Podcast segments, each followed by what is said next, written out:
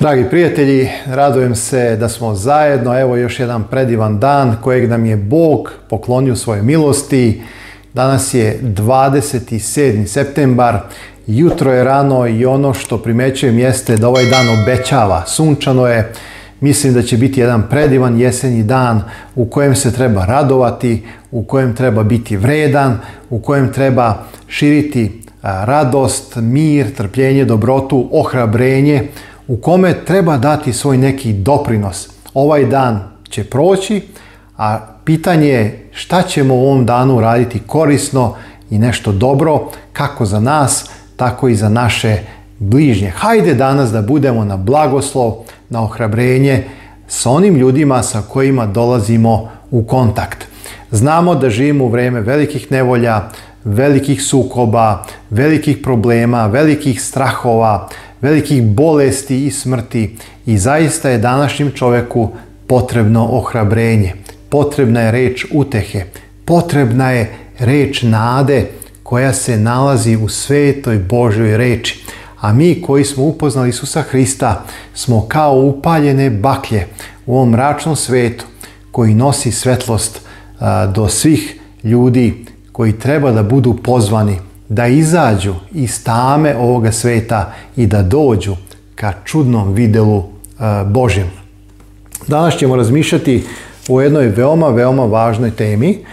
Vidjet ćemo da je na samom početku rat, ubistvo nastalo zbog prave ili lažne religije. Razmišljat ćemo o Avelju i Kainu i izvući neke bitne poruke za nas danas da bismo shvatili koliko je bitno izvršavati volju Božju i činiti ono što je Bog rekao nasuprot lažnoj religiji u kojoj ti možeš verovati kako hoćeš po nekom svom nahođenju i ako nisi prihvaćen i ako nemaš odobravanje od druge strane, ti si spreman da je progoniš, da je zlostavljaš, da je eh, progoniš do te mere dok ne dođe onaj moment krajnji ishod, a to je možda čak i da podigneš ruku na onoga ko se ne slaže sa tvojim verskim uvjerenjima. I evo, dragi moji, u toj priči iz četvrtog poglavlja iz prve Mojsive knjige se pronalazi a, taj početak sukoba između religija, početak ratovanja, početak neslaganja, netolerancije i svega onoga što dolazi nažalost iz sotonske ruke, ne iz Božje ruke. Bog nikada nije savjetovao da se ide tim putem.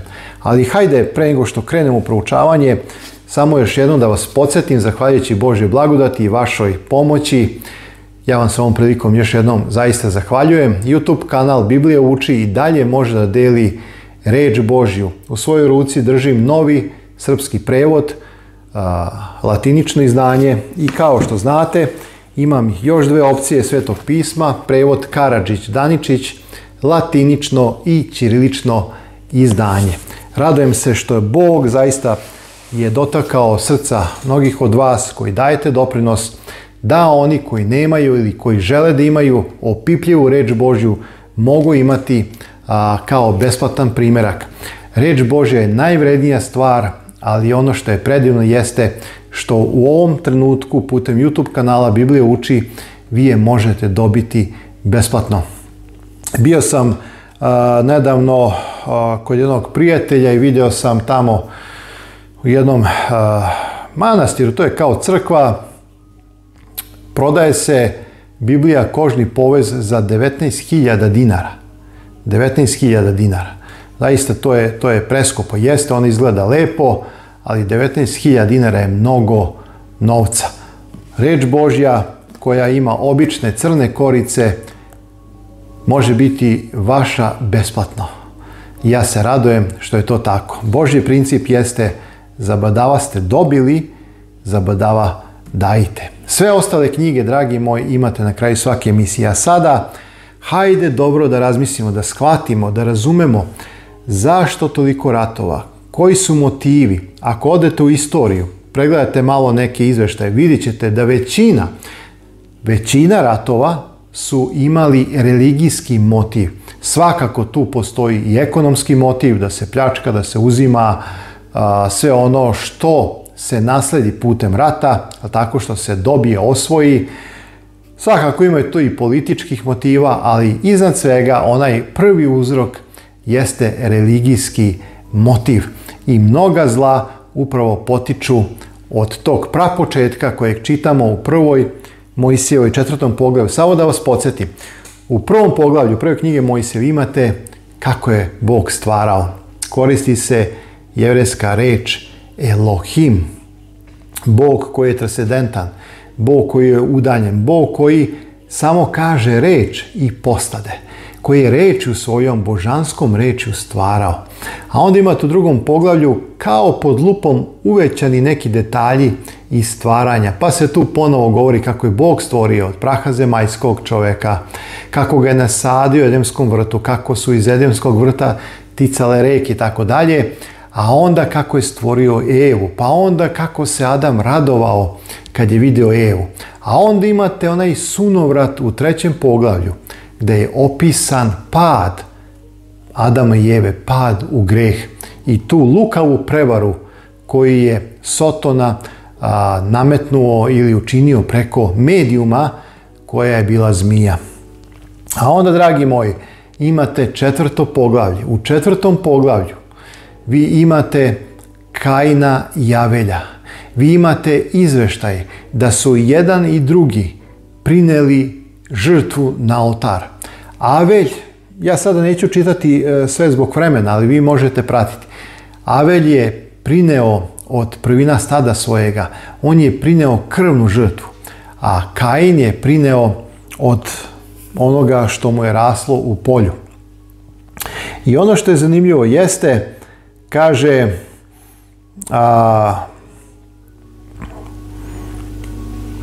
tekst a na Kaina i na njegov prinos ne pogleda, zato se Kain rasrdi veoma i lice mu se promenilo. Znači, Bog je pogledao na Aveljevu, taj izraz pogledao znači da je prihvatio.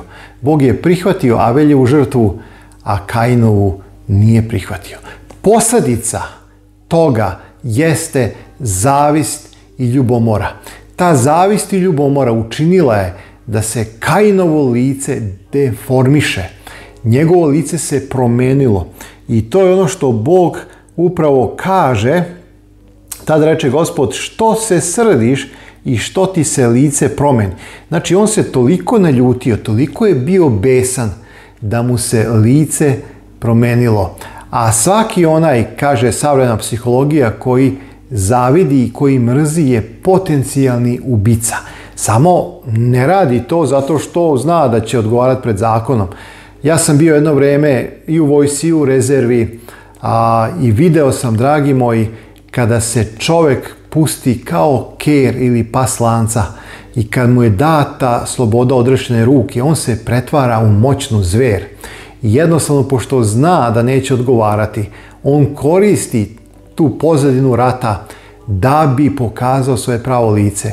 I mnogi su činili zlodela i ubijali i na jednoj i na drugoj i na trećoj strani gdje god nema oni koji su pravedni u ratu. Svi imaju krvave ruke i svi su krivi pred Bogom, bez obzira na sve. Ali, dragi moji, samo to pokazuje. Danas čovjek živi u nekom zakonskom okruženju, pa izgleda kao da su svi dobri. Ali postoji velika opasnost, ja sam se osvjedočio, kada se ti zakoni nekako minimalizuju, kada nestanu, kada se stave u neke okvire i kada se čovjeku da veća sloboda, tada čovjek pokazuje svoje pravo lice. To je zlo. Mi živimo okruženi mnogim potencijalnim ubicama zlostavljačima. Ali eto, kao što sam rekao, zbog određenog zakona i tako oni se još uvijek plaše. Međutim, u ono vrijeme postoje zakon Boži koji se prenosi usmeno, mi kasnije vidimo da je postojala zapovest ne ubi, jer da nije postojala, Bog ne bi mogao da osudi, jel tako, Kaina kao bratu ubicu. I onda ovdje tekst kaže, Nećeš li biti mio kada dobro činiš, a kada činiš dobro, greh ti na vratima, a volja je njegova po tvojom vlašću i ti si mu stari. Drugim rečima, Bog upozorava Kaina, pošto znate, Bog Bog čita ljudsko srce i misli, on zna kuda to sve ide, on od početka vidi kraj, ali on upozorava Kaina da ne ide tim putem i da jednostavno neki način razmisli, da, da, da kaže, ej Kaine, to što ti dolazi u misli, u srce, kontroliši, ti si stariji, ti si onaj koji možeš odlučiti da ne ideš tim putem. Tako isto i danas, dragi moj.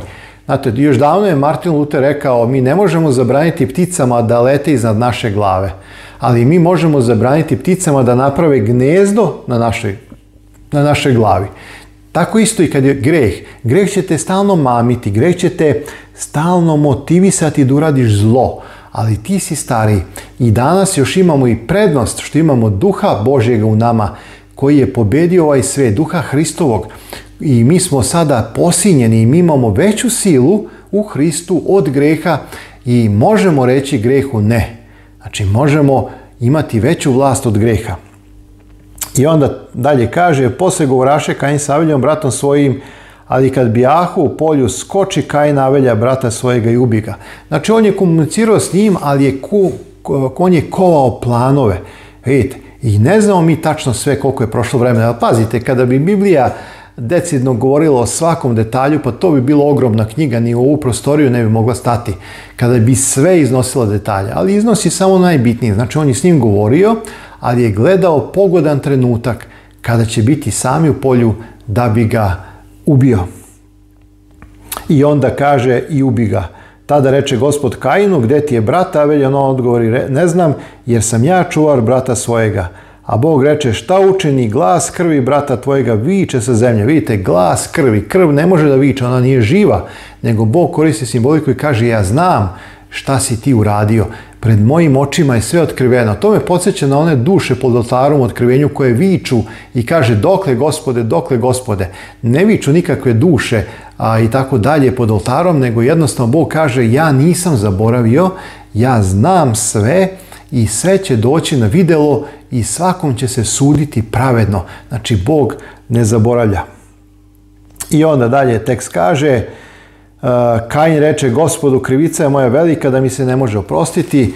Jasno je da ovdje Kain nema vere u Boga, ne, ne poznaje Boga, on misli da je toliko veliki greh, da je greh veći od Boga i da mu se ne može oprostiti. Jasno je da ne poznaje Boga, otišao nekim svojim putevima i onda dalje već znate kako su se stvari odvijele. Ono što je meni bitno da naglasim u ovome izlaganju, ovoj propodi, emisiji, kako god, jako je bitno, dragi moji, da slušamo volju Božju. Mi ne možemo graditi religiju, mi ne možemo verovati kako mi hoćemo.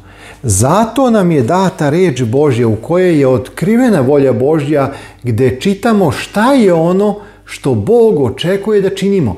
Bog je najjasnije izrazio svoju volju u zapovestima Božjim. Dao nam je deset reči ljubavi, dao nam je deset reči, deset zapovesti, obećanja. Ajde možda nije loše da kažem ne zapovesti nego obećanja. Jer bukvalno kad bi se prevodio jevreski tekst tamo kaže ako voliš mene svim srcem svojim, svom i tako dalje, ti onda nećeš ubiti, ti onda nećeš ukrasti. Jer vidite, ljubav izvršenje zakona. Znači to nisu samo neke puke zapovesti ti ne smiješ, ne smeš, nemoj, nemoj, nego prosto to su reči obećanja gdje Bog kaže ako si u odnosu sa mnom, ako se držiš tog zavetnog odnosa, ako me voliš, ti tada nećeš lagati, ti tada nećeš činiti preljubu, ti tada nećeš poželjeti. Vidite, to je to. Međutim, e, Bog iako otkriva svoju volju, kako ono vrijeme Avelju i Kainu, Kain odlučuje da može da nekako krene nekim drugim putem i da nasledi spasenje nekako drugačije, a ne kroz prolivanje krvi.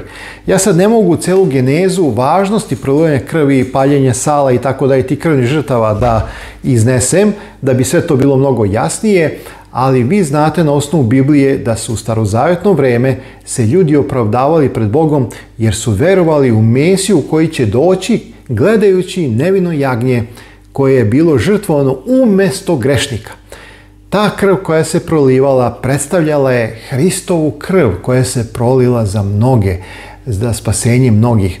I dragi moji, Avelj je bio poslušan. Bez obzira što ovaj bio ratar, on je mogao da odluči da će prineti isto žrtvu kao što je prineo i Avelj koji je bio pastir mogao je da dobije da je hteo i Bog bi pogledao i njegovu žrtvu. Drugim riječima, Bog bi to prihvatio. Ali jednostavno, Kain je postao toliko zavidan, toliko ljut, da je odlučio da ubije brata svojega. Nije naučio lekciju, nije želeo da se pokaje, nije želeo da se povinuje Bože volji i da kaže Bože ja hoću da ti služim, ali onako kako je tvoja volja, ne moja volja. Ja, vidite, tu je već početak svih ratova, svih problema. I ovdje vidite, dragi moji, razliku između prave i lažne religije. Prava religija, biblijska religija, oni koji su deo te religije će biti poslušni volji božje i činit će ono što je zapisano u reči Božje Bibliji. Oni koji su deo lažne religije Napravit će religiju po svojoj volji, onako kako ih uši svrbe, pročitat ćemo uskoro taj tekst, i mislit će da Bogu službu čini, ali ne poznaše ni oca ni mene. Zato Isus kaže, doći će vrijeme kada će mnogi koji vas ubiju, vidite, kao i Kain, misliti da je to na neki način čak i religijski ispravno, da je, da je to ono što ja očekujem, kaže Bog, ali tu je jad, čemer, tama, i svaki besmisao, kaže Isus, jer oni ne poznaše oca ni mene. Vidite, u ime religije su se milioni, milioni ljudi poubijali, U ime neke tobože religije za koje se smatralo da je ispravna. Razlika između prave religije i lažne je vrlo jednostavna. Prava religija nikada neće progoniti nekoga. Nikada neće nasiljem ubeđivati nekoga. Nikada neće prolivati krv nečiju radi nekih viših ciljeva, istine, interesa, kako god. Lažna religija koja je pod kapom, ajde da kažem evo sad i hrišćanstva, će upravo činiti suprotno. Progonit će neistomišljenike. Prolivat će krv onih koji veruju drugačije. Čak i onih koji su u ta vremena srednjeg vijeka i tako dalje imali u svom posjedu Bibliju. Nazivaće ih vešticama, jereticima, sektašima, činit će mnogo toga. Samo da vas podsjetim, ako želite da se naježite i da vam se zgadi greh i da vam se zgadi ta lažna religija, samo ukucajte muzej inkvizicije i vidit ćete šta je bilo u ljudskim umovima i kakve su prave, e, sprave pravili na koji način su mučili ljude, ubijali, proganjali, palili, vešali i tako dalje, razvlačili, kao gumu razvlačili ljude na onim velikim točkovima, sipali vodu kroz one točire. Djavolske stvari, dragi moji, u ime Isusa Hrista. Žalosno, jadno i bedno. I zato će odgovarati pred Bogom svi oni koji su prolili krv onih svojih neistomišljenika. Dragi moji, pored svake dogme pali se lomača. To zapamtite. Znači tu postoje velike velike stvari. I svako ko kaže da veruje neku apsolutnu istinu je surovo.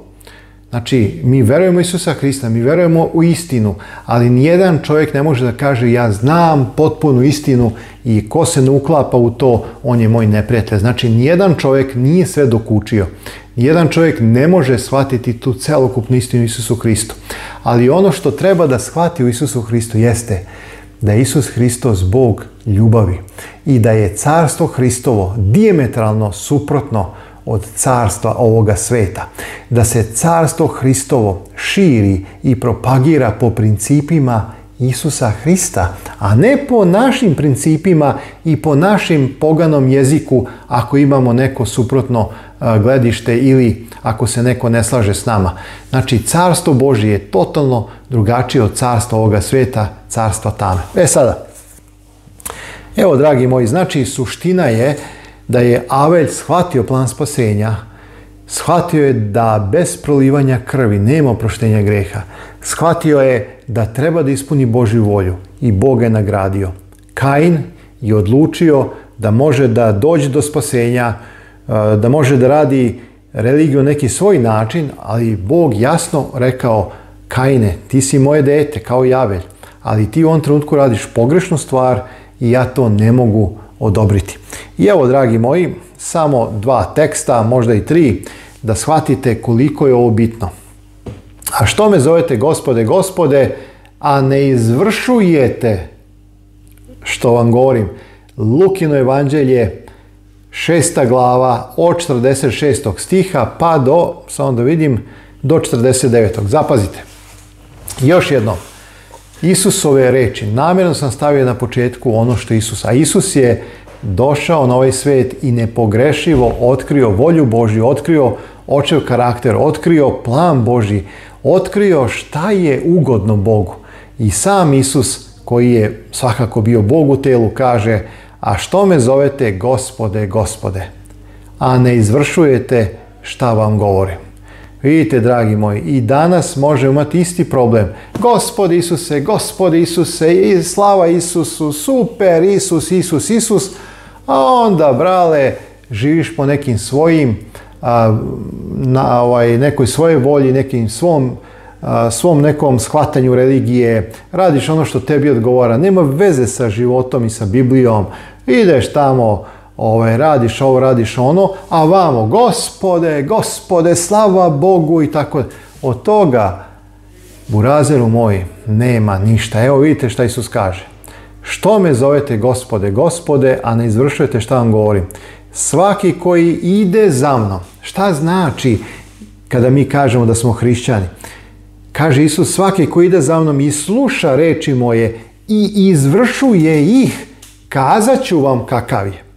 On je kao čovjek koji gradi kuću, pa kad iskopa i udubi udari temelj na kamenu, a kad dođoše vode, navali reka na onu kuću i ne može je pokrenuti jer je temelj na kamenu. Znači, takvi su oni koji idu za Isusom, koji slušaju reč njegovu i koji je tvore, znači koji je izvršuju. A koji sluša, vidite, a ne izvršuje, ćete se kajina, ajde da se vratimo na Kaina, on je kao čovjek koji načini kuću na zemlji bez temelja na koji navali reka i odmah je obori i raspade se kuća ona strašno. I šta će onda raditi taj koji vidi da se njegova kuća raspala, a vidi onoga drugoga kako kuća lepo, fino stoji na svojem mjestu, pa bit će ljubomoran, bit će zavidan, bit će besan.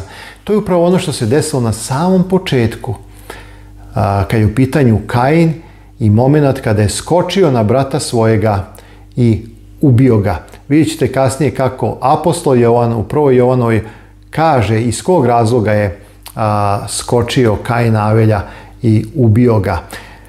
I evo, dragi moji, vidite sada, znači, postoje dve religije jedna religija, biblijska religija, koja se drži Boga, njegove reči, koja sluša reč Božju i koja izvršava.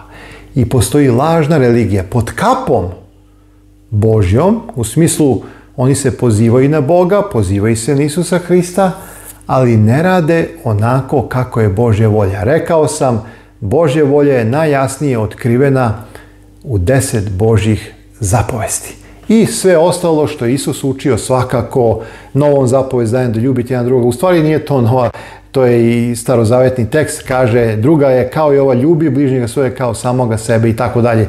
Znači, nema ništa novo pod suncem, samo Isus produbljuje, intenzivira i naglašava. I vidite, zato tamo kaže tekst ljubav i izvršenje zakona. I sada dolazi vreme Isusa Hrista.